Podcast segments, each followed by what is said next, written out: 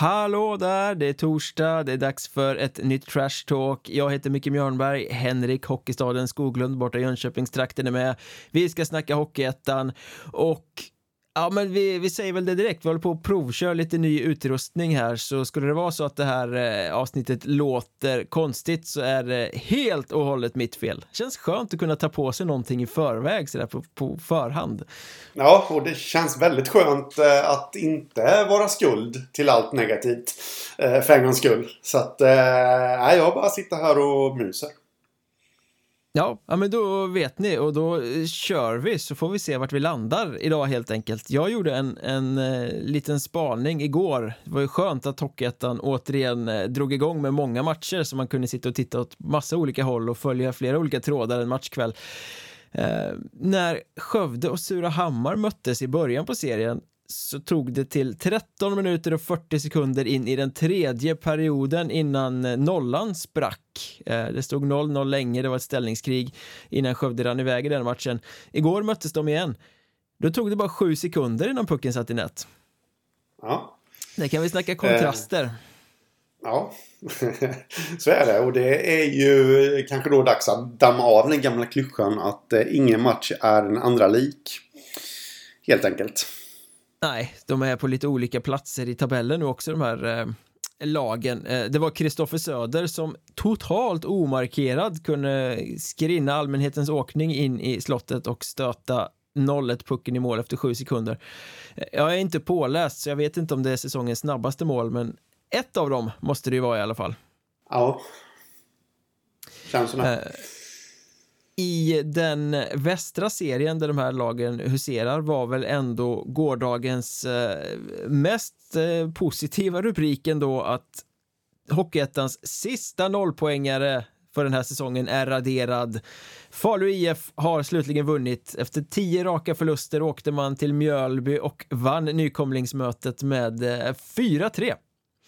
Ja, starkt av Falun. Måste man säga. Och på något sätt eh, tränar tränareffekten, eller tränarbytet gav ju inte omedelbar effekt. Men nu har de ändå haft ett uppehåll.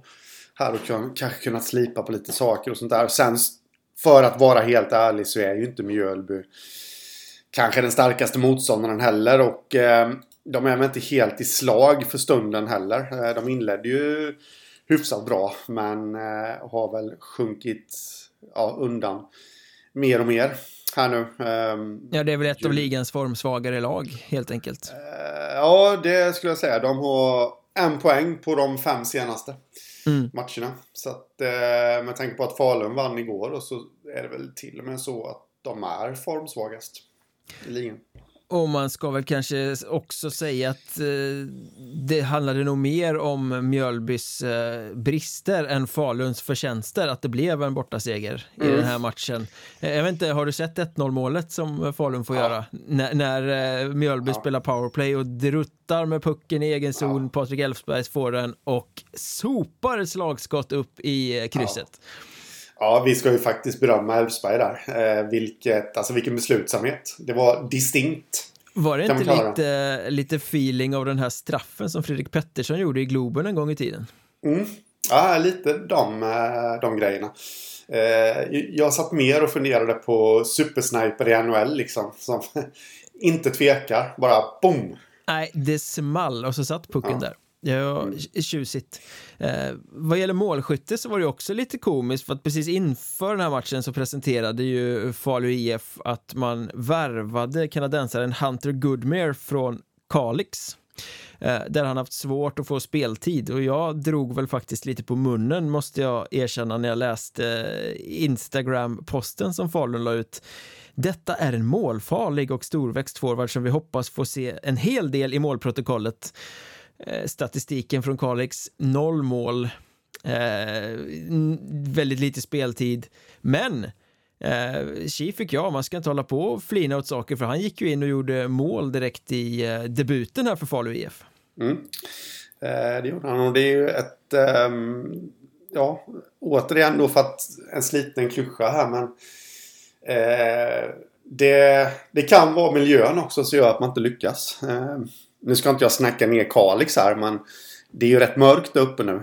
Um, kanske bli på bättre humör genom att komma ner i landet lite. Ja, det är inte jättelångt söderut att vara i Falun heller.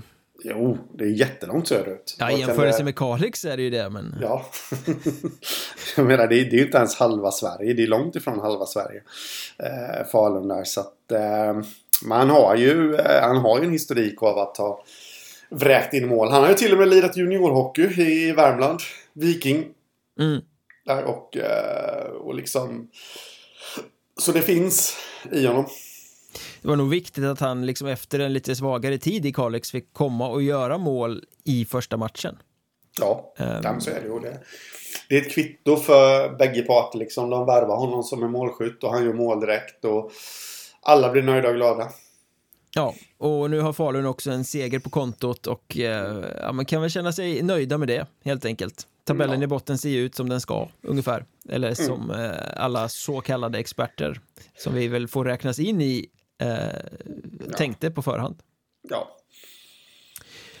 Vi måste snacka lite Lindlöven också när vi ändå är här i den eh, västra serien och eh, påtar för eh, vi har ju snackat backkris i Lindlöven förut, mycket lån, mycket korttidskontrakt.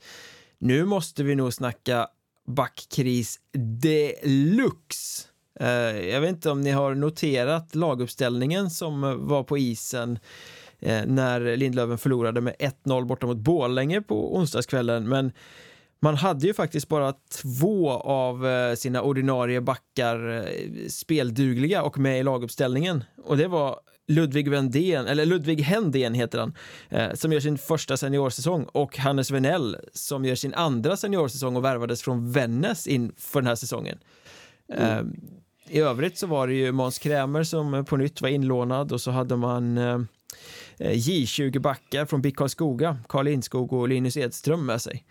Eh, och mm. nyförvärvet, vilket det här är intressant, Niko Vuorijärvi, en rutinerad finländare som var på tryout i Lindlöven inför säsongen.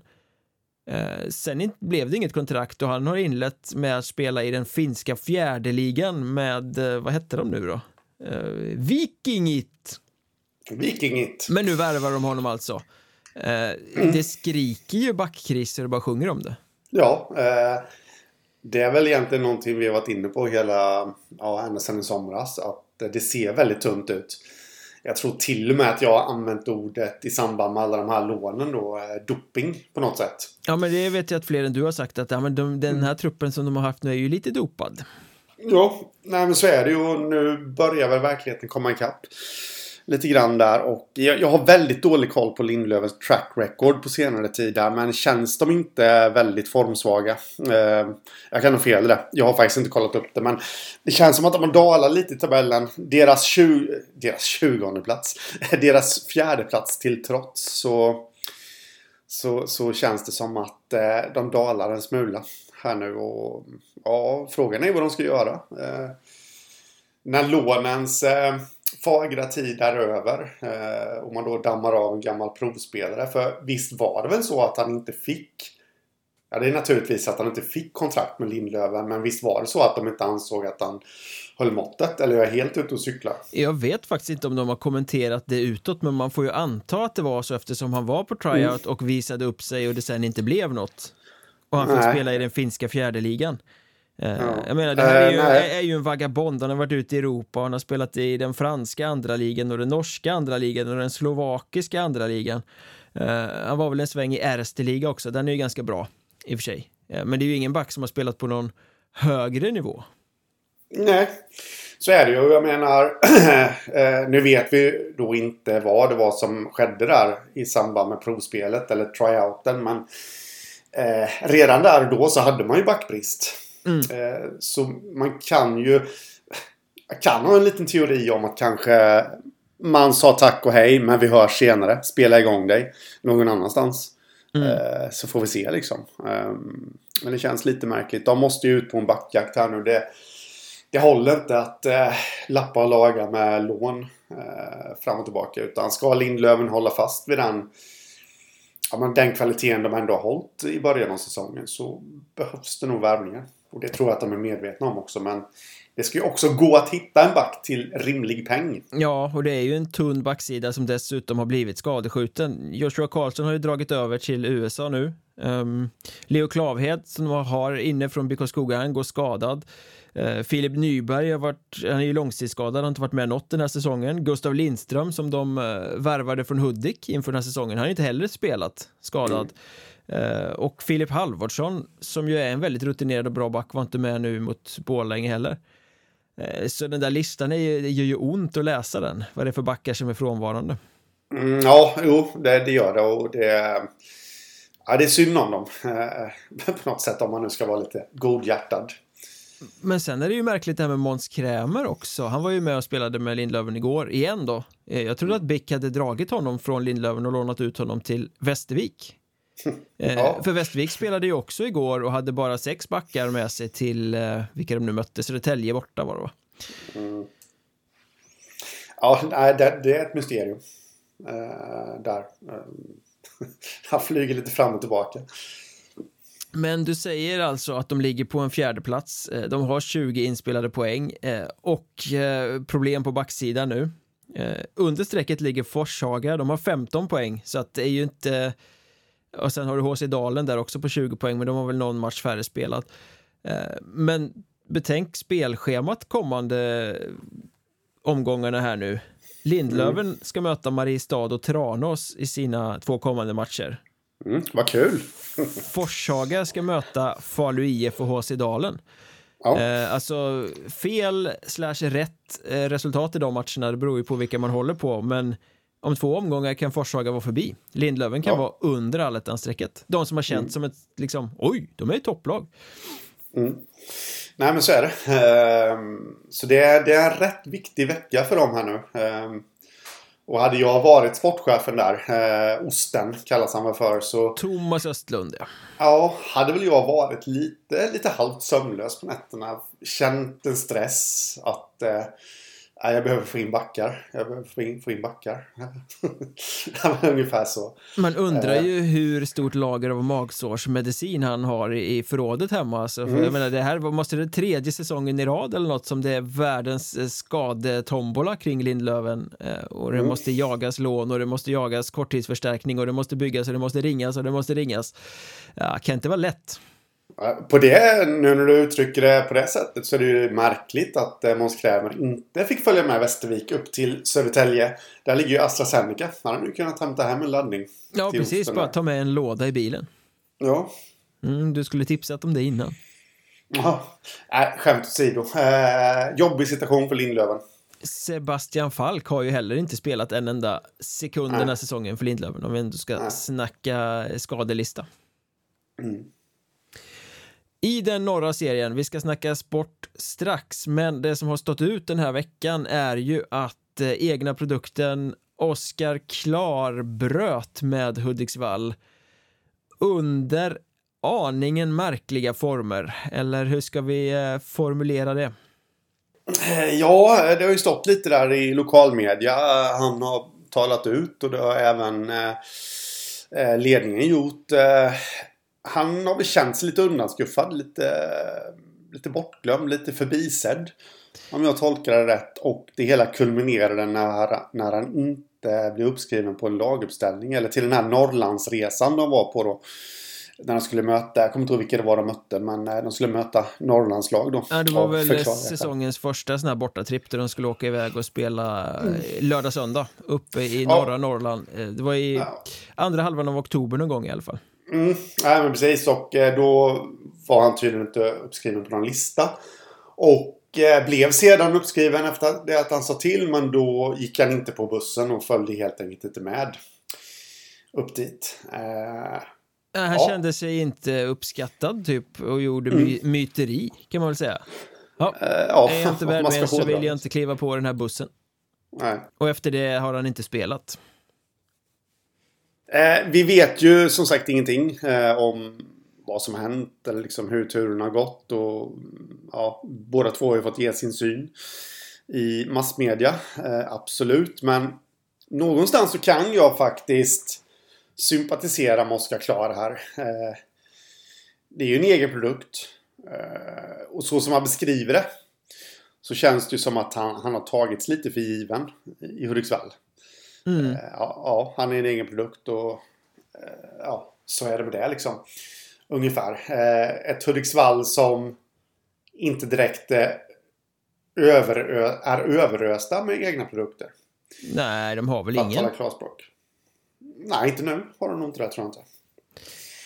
Eh, så på så sätt så kan jag förstå att han ledsnar. Eh, utan att veta alltihopa. Då. Sen, Ja, men grejen är väl att han har varit där ganska länge och varit liksom långt ner i hierarkin och fått höra att han hela tiden utvecklas och tar steg men det har inte märkts i istiden. Eh, Mm. Och pågår det så i flera säsonger så kanske man ledsnar. Det framgår ju att han har inte mått bra. Han har känt sig liksom... Han får höra fina saker men får ändå inte spela. Eh, Det, det tar väl på psyket antagligen.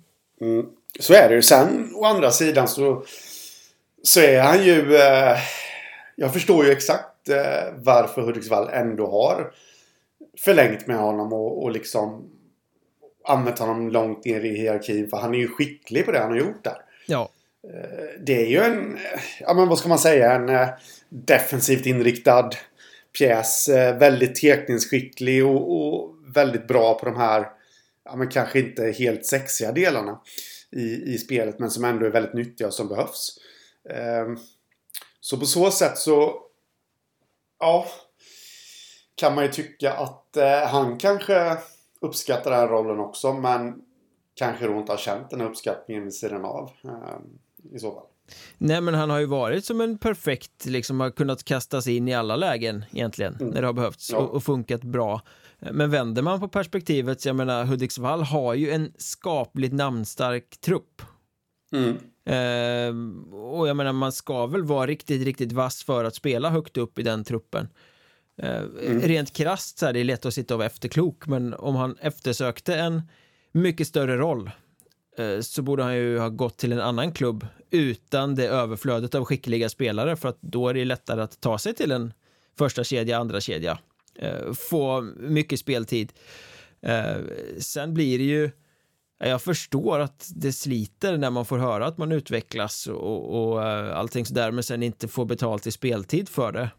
Mm. Så jag förstår hans perspektiv helt och hållet. Jag tycker att det här verkar ju vara någonting som har fötts ur dålig kommunikation i klubben på något sätt. Det känns som att eh, sportchef, tränare, whoever liksom har sagt fel saker till honom.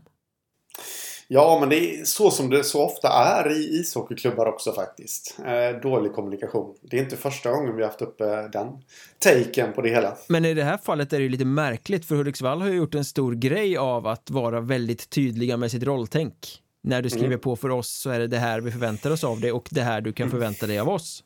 Eh, Någon sorts fnurra måste ju ha dykt upp där. Ja, eh, och jag tror helt enkelt, eh, om jag får spekulera hej vilt då eftersom vi inte vet någonting. Men jag tror att det är så som han säger. Att han, han blir bortglömd. Jag, tror- jag tror på något sätt att det var droppen som fick bägaren att rinna över. Så att, eh, ja, men i det stora hela. Vi kan sitta och tycka att det inte är någon stor sak. Men går man hela tiden varje dag till jobbet och Inte känner sig känna uppskattad. på. Ja, så, så, är det, så kan det ju vara en sån liten sak utifrån sett och inom citattecken här som, eh, som drar igång det. Ja, men han har ju inte mått bra, det är ju uppenbart. Eh, och då kolliderar det ju, för man kan ju även sympatisera med det Lillis säger till lokaltidningen där, att det är ett A-lag. Eh, Mm. Och där konkurrerar man på vissa typer av premisser. Mm. Så att det verkar ju vara kommunikationshaveri här. Ja.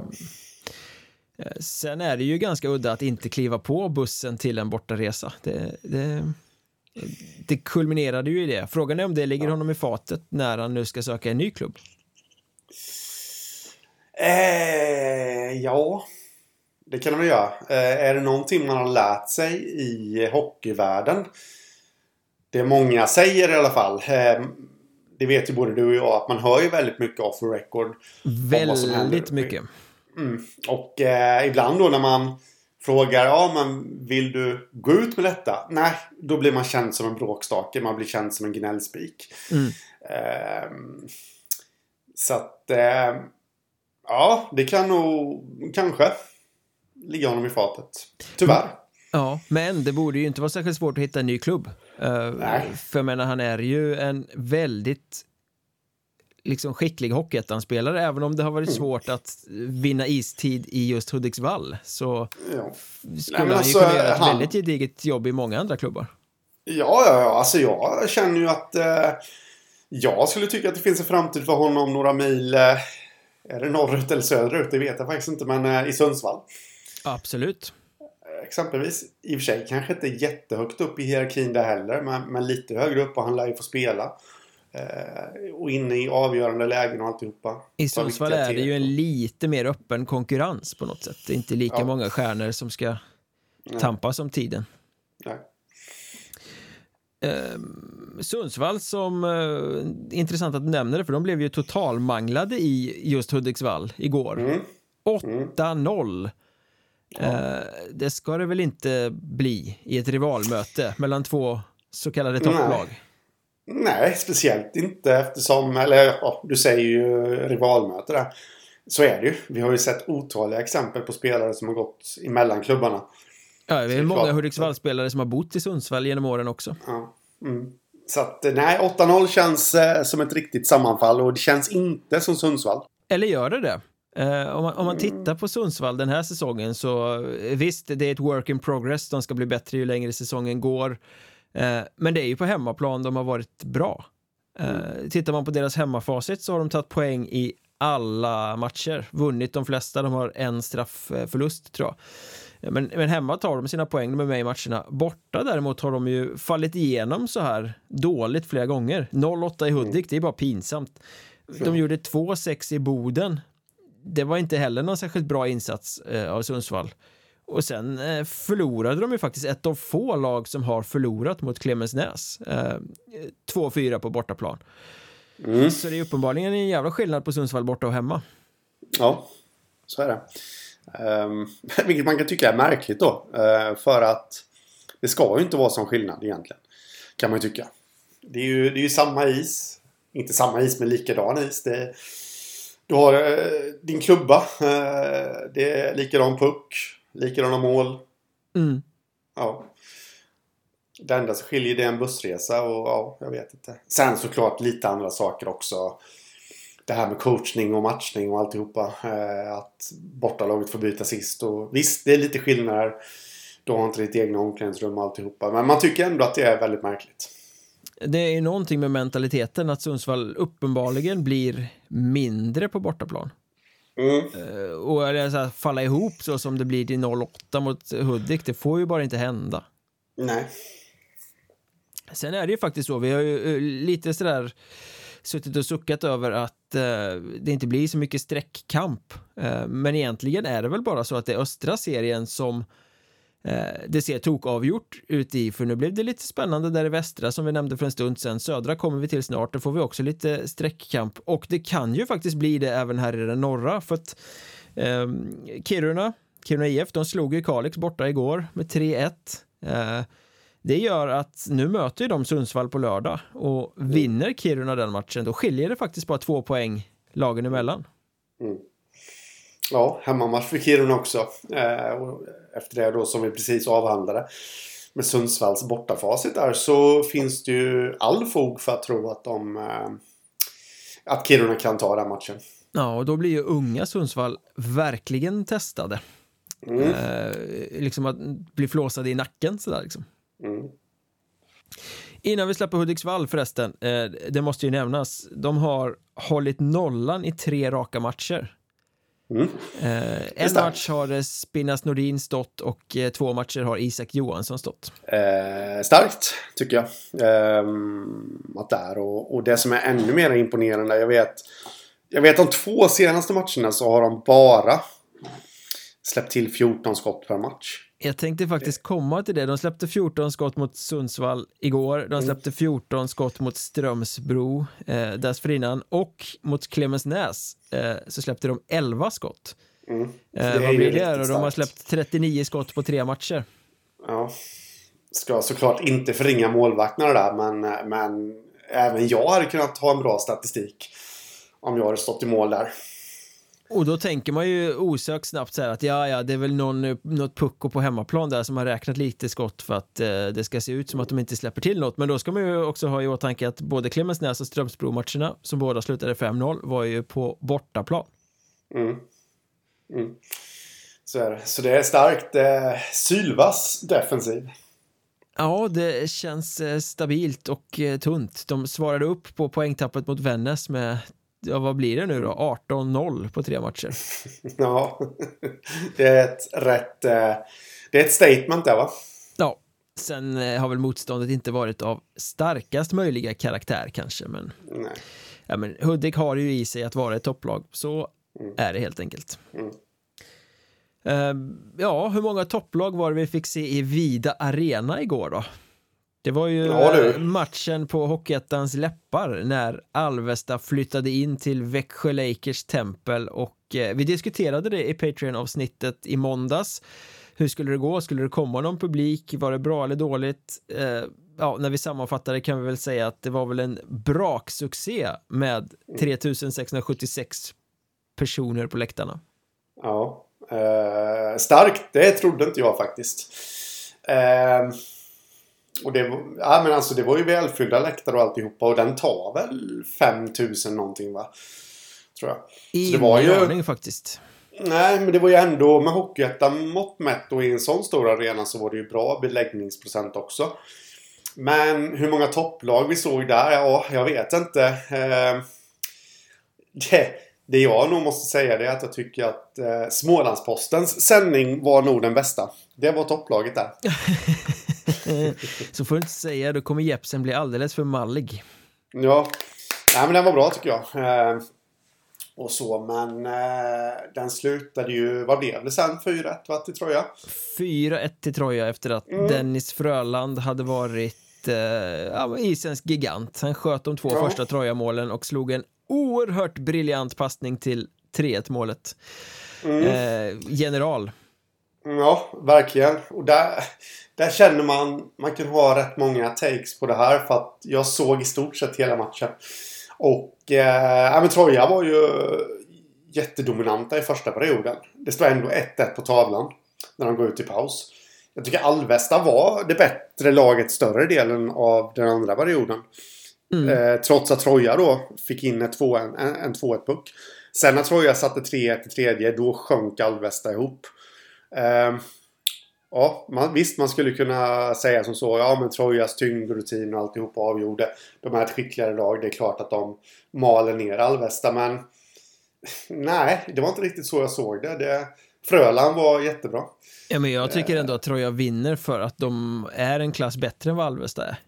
Oh. Alvesta har mycket vilja och mycket liksom frenesi, men de har ju inte så mycket eh, linjer i sitt spel och så mycket skicklighet att de kan ta ner Troja i en sån här match. Nej. De är beroende då... av Trojas misstag och att få lite medstuds för att de ska vinna. De kan inte på, på egen skicklighet så att säga vinna över Troja.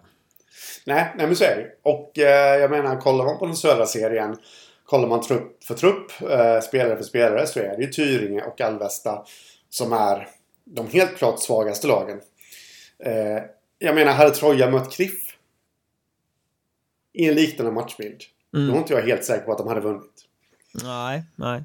Eh, det är lite det jag är lite orolig för. Det känns som att jag bara sitter och hackar på Troja. Men nej, jag tycker ändå inte att det har lossnat. För dem. Eh, jag skulle nog vilja säga att den största anledningen är ju Frölands storspel igår helt enkelt. Ja, de är ju det bättre laget och eh, vinner klart rättvist. Men det finns ju betydligt mer att önska av Troja fortfarande. Eh, så kan man ju säga. Eh, så man får hålla två bollar i luften här liksom så här. Men Troja som helhet, ja, inte bra. Troja i matchen, betydligt bättre än Alvesta. Mm. Ja men så är det. Eh, man får använda 3D-tänk där helt enkelt som Robert Pettersson skulle ha sagt. Just det. Eh, mm. Sen måste man väl plussa lite för Jesper Eliasson också, eh, Troja-keepern. Vi har varit lite tveksamma till honom. Är han verkligen en, en målvakt som kan bära ett topplag här? Igår var han ju alldeles eh, lysande. Ja. Han snuvade stackars Hampus Henriksson på två, han var sopfri två gånger, försökte båda gångerna lirka in den mellan benen, men Eliasson var ju liksom, läste honom sönder och samman, det såg inte ens svårt ut de där räddningarna.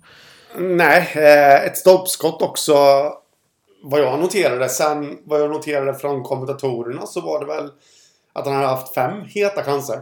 Ja, de ylade något om det. I matchen. Eh, och där måste man väl säga då för att prata lite positivt för Alvesta. Han har väl varit skadad i inledningen här, Hampus Henriksson. Och eh, känns ju eh, nu då när han har verkat som att han har varvat igång. Att det kan bli en riktig tillgång för dem. Mm. David. Eh, ja, men det finns ju många spelare i Alvesta som går för det och, och kör med grit liksom. Jag tycker att eh, en sån som jo Joakim Stjern Svensson, han har ju noll poäng så här långt. Eh, han ja. saknade det där lite spetsiga, men han syntes ju ändå rätt mycket. Han gick in i det fysiska i alla fall. Ja, eh, lite kritisk ändå till honom. Eh, det var ju han som drog på sig två utvisningar som resulterade i två mål för Troja. Eh, varav en, nu minns inte jag den bara, men jag upplevde att en av dem var jätteklantig i alla fall. Mm. Eh, jag är faktiskt lite tveksam till honom. Visst, han var inne i det fysiska spelet. Han gjorde vad han skulle. Eh, på det viset, men... Ja, den där leveransen som man kanske har suttit och väntat på på väldigt många år. Den har inte kommit till Alvesta. Heller. Nej, inte där heller. Jag har faktiskt med honom på en lista i, på Hockeysverige som har publicerats nu under morgonen. Hallå, var är ni? Spelarna mm. som skulle glänsa men har lyst med sin frånvaro. Det vill säga spelare som man hade ganska höga förväntningar på men vars produktion inte har kommit. Mm. Eh, och det kändes väl lite som att Alvesta var sista chansen för honom på något sätt. Ja. Han har varit igenom flera klubbar nu. När han var i HV71 juniorer öste han in poäng. Man tänkte här kommer någon. Mm. Det här kommer ju bli riktigt spännande i Hockeyettan. Eh, men sen har det inte riktigt släppt. Och Nej. inte i Alvesta heller. Nej, eh, det släppte inte i Dalen, inte i Nyköping. Var någonstans däremellan också? Ja, han har sin bästa, poängbästa säsong i eh, Hockeyettan när han var i Kumla. Ja, just det, Ett år när de var tvungna att spela kval. Mm. Nej, så du har inte släppt för honom. Eh, och på den här listan, eh, jag ska inte dra hela den här för den får ni väl läsa på Hockeysverige men eh, det var intressant igår, några andra namn som finns med på den hade lag som fick ordentlig islossning igår men som av en händelse inte levererade. Eh, jag tänker då på Henrik Eriksson i Borås till exempel. Borås slog Vimmerby med 5-1. Inga poäng från Henrik Eriksson. Eh, Lukas Föjk i Hudiksvall. Eh, 8-0 vinner de mot Sundsvall. Han har en ynka assist i det där. Eh, och så veteranerna i Kriff, eh, Andreas Nordfeldt och Sebastian Magnusson som eh, fortsätter lysa med sin frånvaro i poängprotokollet. Magnusson hade en andra assist igår när de fick utdelning 5-1 mot Tyringe. Men eh, det är många spelare som kanske inte levererar så mycket som det var tänkt. Mm. Men eh, vi ska väl också prata om spelare som förtjänar större rubriker och det hade vi tänkt göra på Patreon den här torsdagen. För det är ju så att om man stöttar podden med några riksdaler i månaden då får man bonusmaterial, det vill säga fullängdspoddar på måndagar, bonuspoddar på torsdagar och idag ska vi snacka om eh, spelare som borde få större uppmärksamhet. Det vill säga spelare som gör ett väldigt gott hantverk, eh, som är med och driver och gör bra saker men som det snackas snackas lite för lite om. Eh, de kommer vi lyfta upp på Patreon. Eh, vill ni höra det materialet, gå in på patreon.com, sök efter Mjörnbergs Trash Talk så står det precis hur man gör för att stötta podden och ta del av bonusmaterialet. Eh, så, nu kan vi rulla vidare.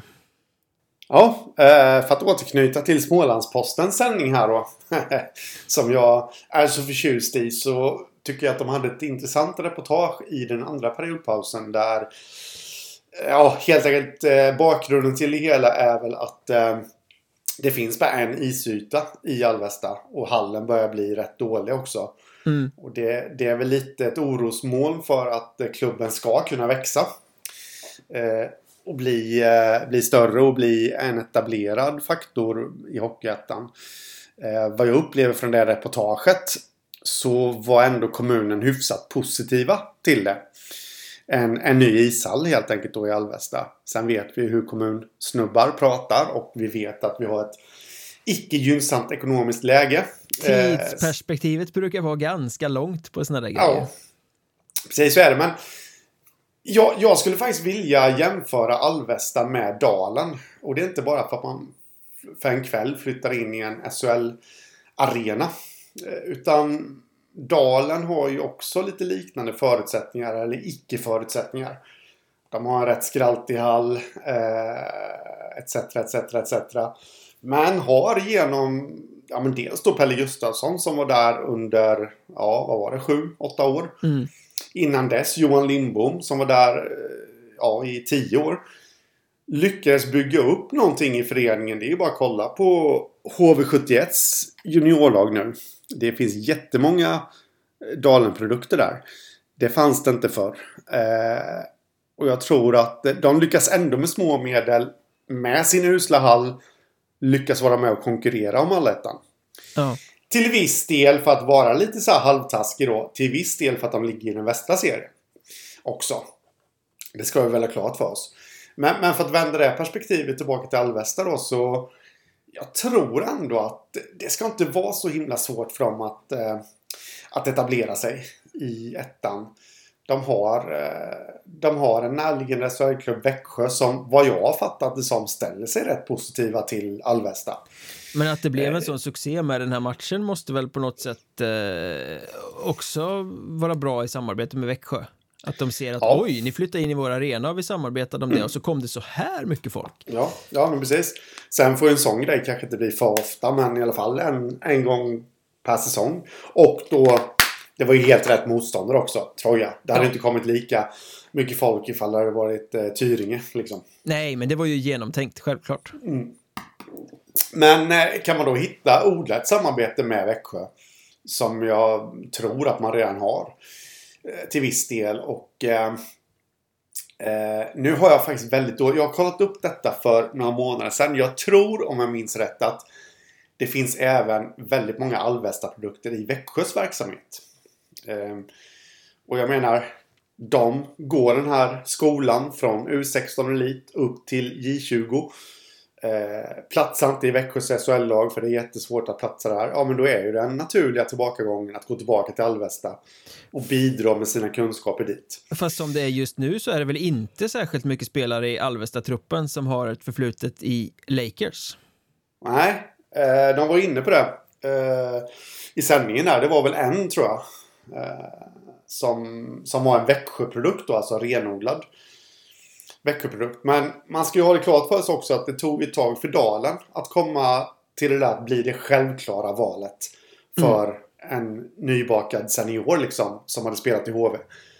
Det tog no någon säsong, några. Eh, jag tror att lyckas de hanka sig kvar här så tror jag att det finns en ljus framtid. Vi ska ju även komma ihåg då att det finns en viss herre i Växjö som heter Robert Rosén som är från Alvesta från början.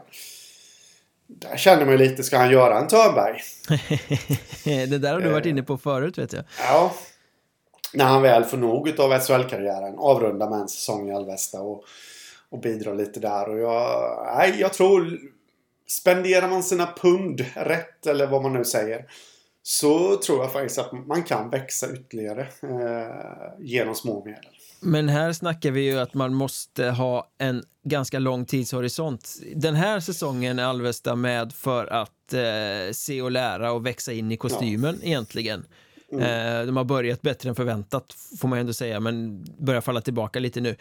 Men eh, all med den här utvecklingen som du pratar om, den sker ju inte över en natt, en säsong. Utan då handlar det ju om att Alvesta med små medel i en ganska ruffig ishall ska överleva i två, tre säsonger i Hockeyettan innan man kan börja skörda frukt av ett närmare samarbete med Lakers spelare som kommer tillbaka efter utbildning, ja, allting sådär. Eh, det är de två, tre åren som är det svåra. Eh, Där det finns en risk för eventuell degradering som skulle kunna göra pyspunka på allting.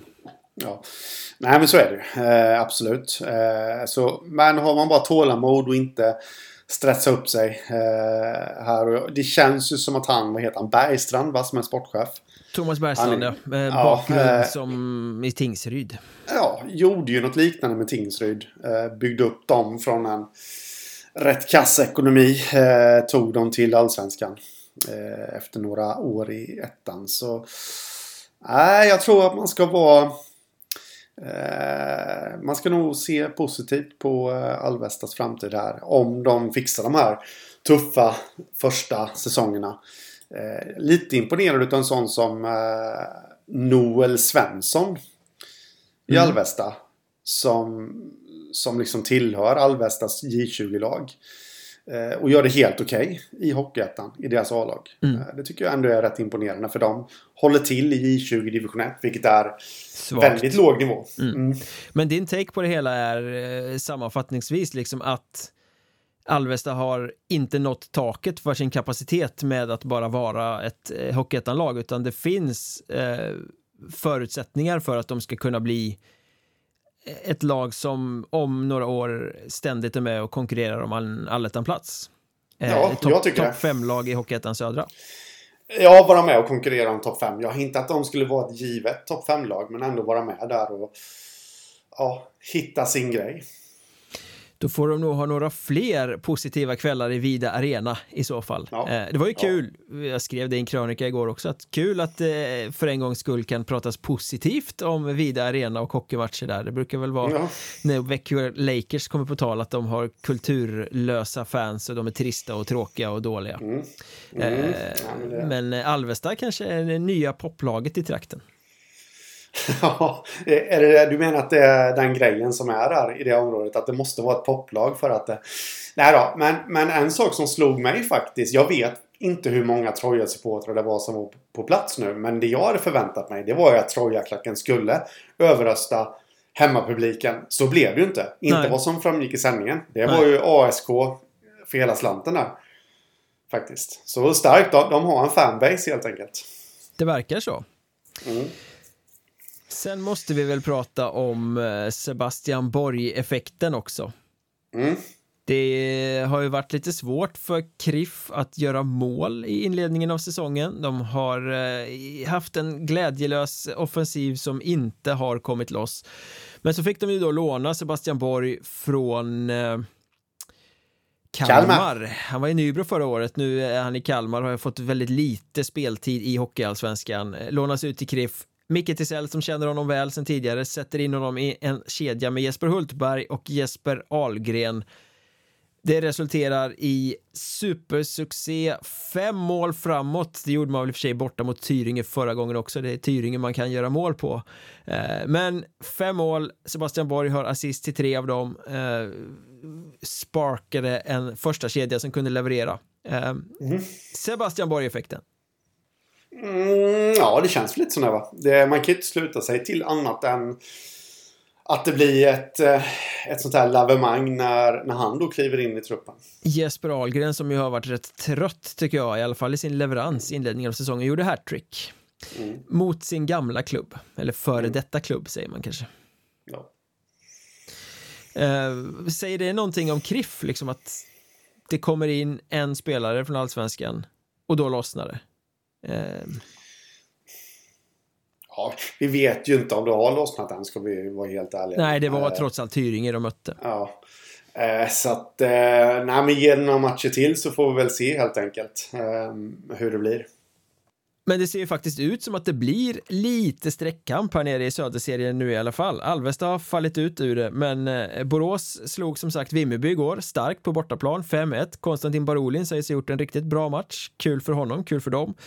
Ehm, och Kreft slog ju då Tyringe, samtidigt som Troja tog sina poäng av eh, Alvesta. Så vi, det börjar väl dra ihop sig lite här. Får vi ett trerags race på upploppet här då?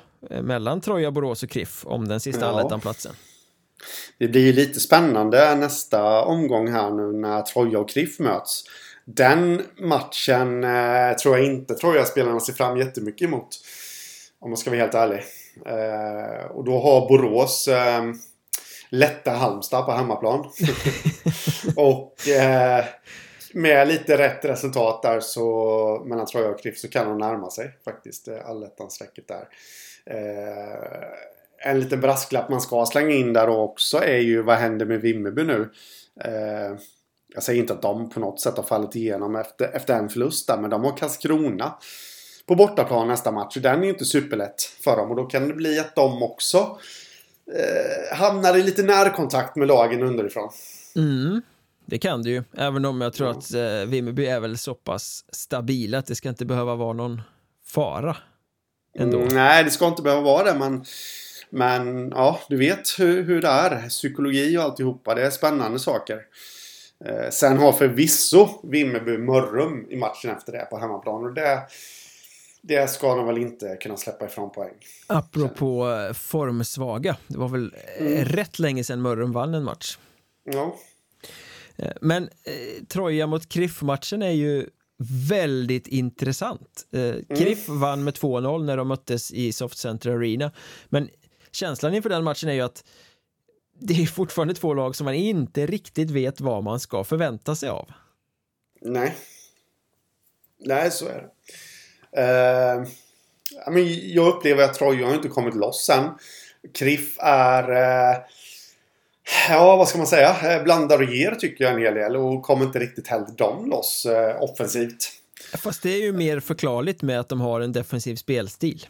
Ja, men de har ju ändå... ju en offensiv hockey men kommer ändå ja. inte loss. Nej, precis. Så... Uh, nej, det, det känns som en match som slutar 2-0 eller 3-1 i Kriff, faktiskt. Ja, det känns ju faktiskt som att eh, Troja bör vara mer rädda för den på något mm. sätt med tanke på sin ineffektivitet, med tanke på Kriffs försvarsstyrka. Ja. Eh, det blir nog inte en jätteunderhållande match. Nej, det tror jag inte. Och jag menar, kollar man då Trojas eh, kommande spelschema här eh, så har de ju Kriff på hemmaplan, de har Tyringen på bortaplan.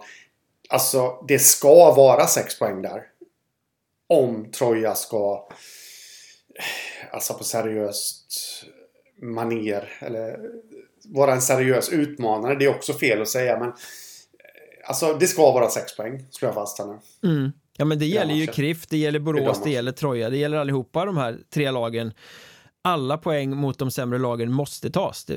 Den som snubblar bort, fipplar bort något mer poäng mot ett sämre lag kommer inte gå till allettan. Så enkelt är det ju. Nej, nej så är det ju. Sen har ju efter det så har ju Troja eh, Karlskrona och Kristianstad.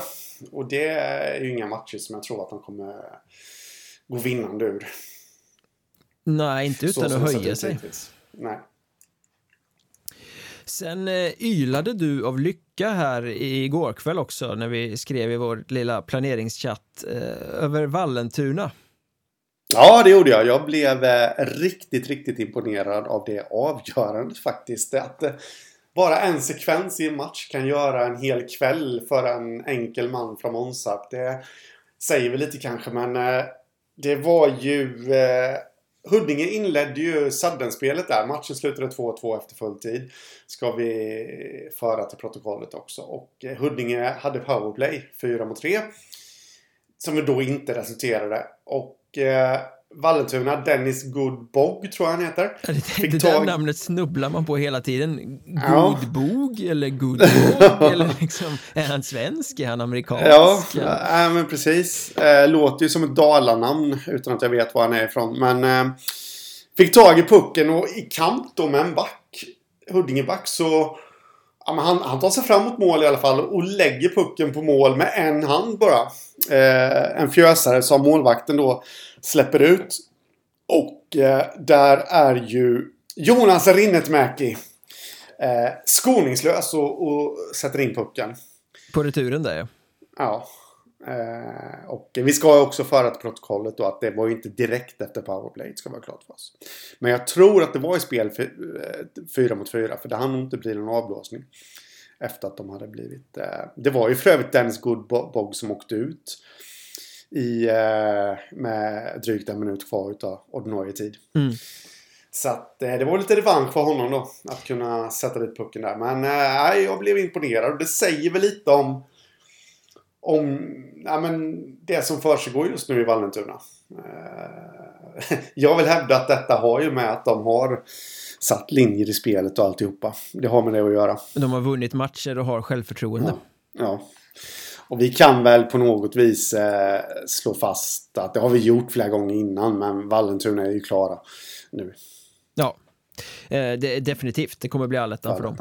Och jag instämmer i din, jag kanske inte är fullt lika lyrisk som du över den där sekvensen, men det, det är ju riktigt starkt att med den enhandsfattning han har på klubban det är ett mm. ganska bra fjutt han får iväg i det där skottet ändå. Ja, som gör att det blir en retur. Det ja. Han håller bort backen med ena armen och fjuttar iväg den med den andra.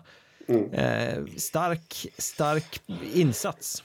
Ja, väldigt stark faktiskt. Som jag sa, det är lite unikt att man kan bli så himla imponerad av en viss sekvens bara. Men eh, det är nog faktiskt den behållningen. Det är ju inte för att förringa absolut någonting alls från alla andra matcher jag såg igår. Men eh, för att eh, vara lite Fredrik Söderström här nu på TV4 Hockey så, så den hade ju lugnt varit topp på min onsdagslista. Om jag nu hade fått göra en sån. Ah, jag som tänkte ställa en fråga precis. Om du får välja mellan eh, Vallentunas 3-2 mål mot Huddinge och eh, Patrik Elfsbergs mäktiga slagga mot Mjölby. Vilket hade du valt som det snyggaste? Ja, um, ja den är ju svår. Den hade varit eh, delad detta. Men om jag då hade varit tvungen att bestämma mig så vill jag nog ändå ta Dennis Good Bogs där. Det är lite mera ja, men vad ska man säga, kämpainsats över det hela. Eh, icke då för att förringa Elfsbergs mål där, för det var ju ett imponerande mål också. Eh, på alla sätt och vis. Men, eh, men just där man bara känner hur mjölksyran, eh, förmodligen i alla fall för mig, så har den trängt sig på i det när han håller undan backen liksom. Och, och fjöttar iväg pucken där. Eh, så lite mera jävlar anamma över den situationen. Eh, även om det var väldigt mycket jävlar anamma över eh, Elfsbergs eh, mål också. Det ska vara dalmasar helt enkelt som jag har lärt mig att man inte får säga. Nej, för jag menar, en mas är en gubbe från Dalarna. ja. Så att eh, säger du dalmas så blir det dubbelt. Det blir som att säga att ja, men det är en småländsk smålänning. Mm. Ja, så är det. Och nu kollar jag faktiskt upp detta för jag var tvungen att göra det. Eh, nej, Dennis Goodbog är inte ifrån eh, Dalarna. Han är från Sundbyberg. Stockholmare alltså? Mm, bara en sån sak. Fadern heter Mikael Good. Eh, God har... då kanske? Good. Good. Han är från Handen. Från början. Eh, ser jag här nu. Ja, det ser man. Vi kan ju ja. konstatera i alla fall att båda de här målen eh, osar av nu jävlar ska pucken in-aura. Mm. Ja, Så är det. Och det ska väl föras till protokollet också att eh, Vallentuna vann den där matchen, men Huddinge fick med sig en poäng mm. som ju innebär att man nu har passerat Segeltorp i tabellen.